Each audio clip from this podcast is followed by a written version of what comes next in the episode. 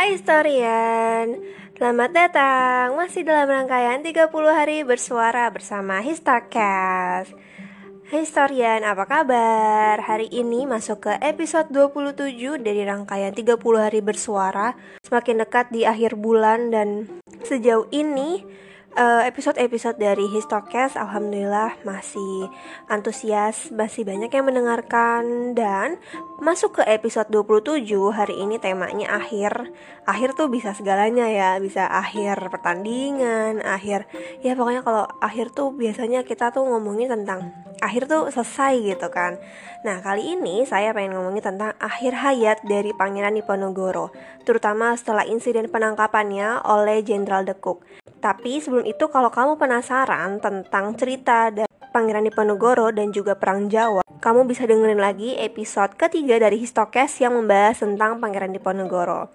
Jadi Pangeran Diponegoro ini setelah berakhirnya Perang Jawa pada tahun 1930, ia terpaksa menjalani pengasingannya dan setelah itu tepat berakhirnya setelah Perang Jawa ya terutama Pangeran Diponegoro ini tertangkap sama Jenderal De Cook pada saat melakukan pertemuan di Magelang. Pangeran Diponegoro bersama rombongannya ini dibawa dari Semarang lanjut ke Batavia pakai jalur laut. Jadi bisa dibilang awalnya pengasingan dari Pangeran Diponegoro ini berpindah-pindah tempatnya. Sampai di Batavia, Pangeran Diponegoro bersama rombongannya ini diasingkan dari 8 April sampai 3 Mei dan ia ditahan di Staduis. Staduis itu yang dulunya jadi balai kota di Batavia atau mungkin sekarang jadi Museum Fatahillah yang ada di Kota Tua.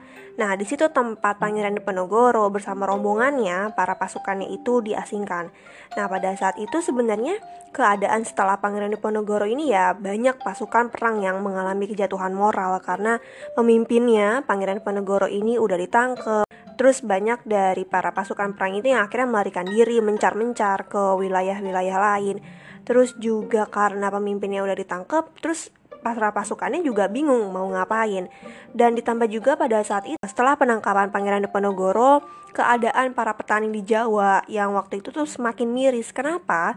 Karena ternyata historian di sini setelah penangkapan Pangeran Diponegoro, keadaan para petani di Jawa ini semakin uh, miris, semakin miskin, semakin ditindas karena disuruh tanam paksa buat nutupin defisit uang kas Belanda yang pada saat itu udah habis banyak gara-gara biaya perang Jawa. Nah, lanjut lagi dari Batavia, kemudian Pangeran Diponegoro bersama rombongannya balik lagi nih diasingkan ke Manado pakai jalur laut dengan menggunakan kapal polek. Nah, pada saat itu Belanda itu mikir bahwa hmm, sebenarnya Batavia ini bukan salah satu tempat yang strategis buat pengasingan Diponegoro. Akhirnya, Belanda ini memutuskan untuk membawa Pangeran Diponegoro bersama rombongannya untuk pindah pindah pulau lebih tepatnya dan diasingkan ke Pulau Sulawesi yaitu tepatnya awalnya pertama kali di Manado. Jadi dibawa dulu ke Manado pakai jalur laut.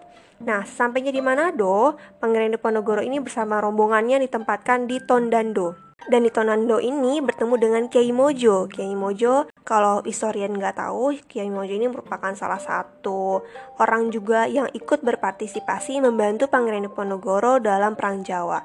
Nah, mereka bertemu dan diasingkan tepatnya di Fort New dan Diponegoro ini ditempatkan dari tahun 1830 sampai 1833. Lanjut lagi pada tahun 1883 setelah pengasingannya di Manado, akhirnya Diponegoro dipindahkan ke Makassar pakai kapal angkatan laut. Jadi di sini di Makassar ia ditempatkan di Fort Rotterdam bersama istri, bersama dua anaknya dan para pengikutnya.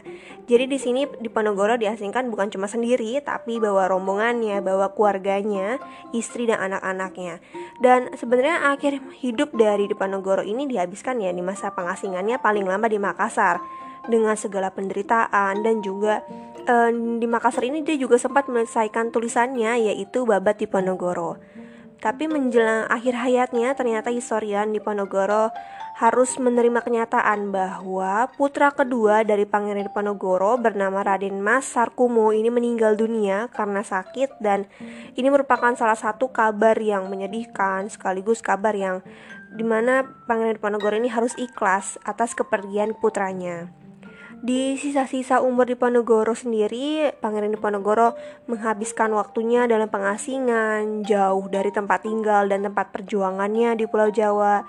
Dan ia hidup di pengasingan bersama keluarganya dengan serba sederhana, serba kecukupan, walaupun sebenarnya bukan seperti tempat pengasingan yang ditutup, dikurung, di kayak penjara gitu bukan, tapi Pangeran Diponegoro ini masih bisa untuk bertegur sapa sama masyarakat sekitar. Jadi ya sama keluarganya bisa dibilang hidup dalam keadaan baik-baik aja.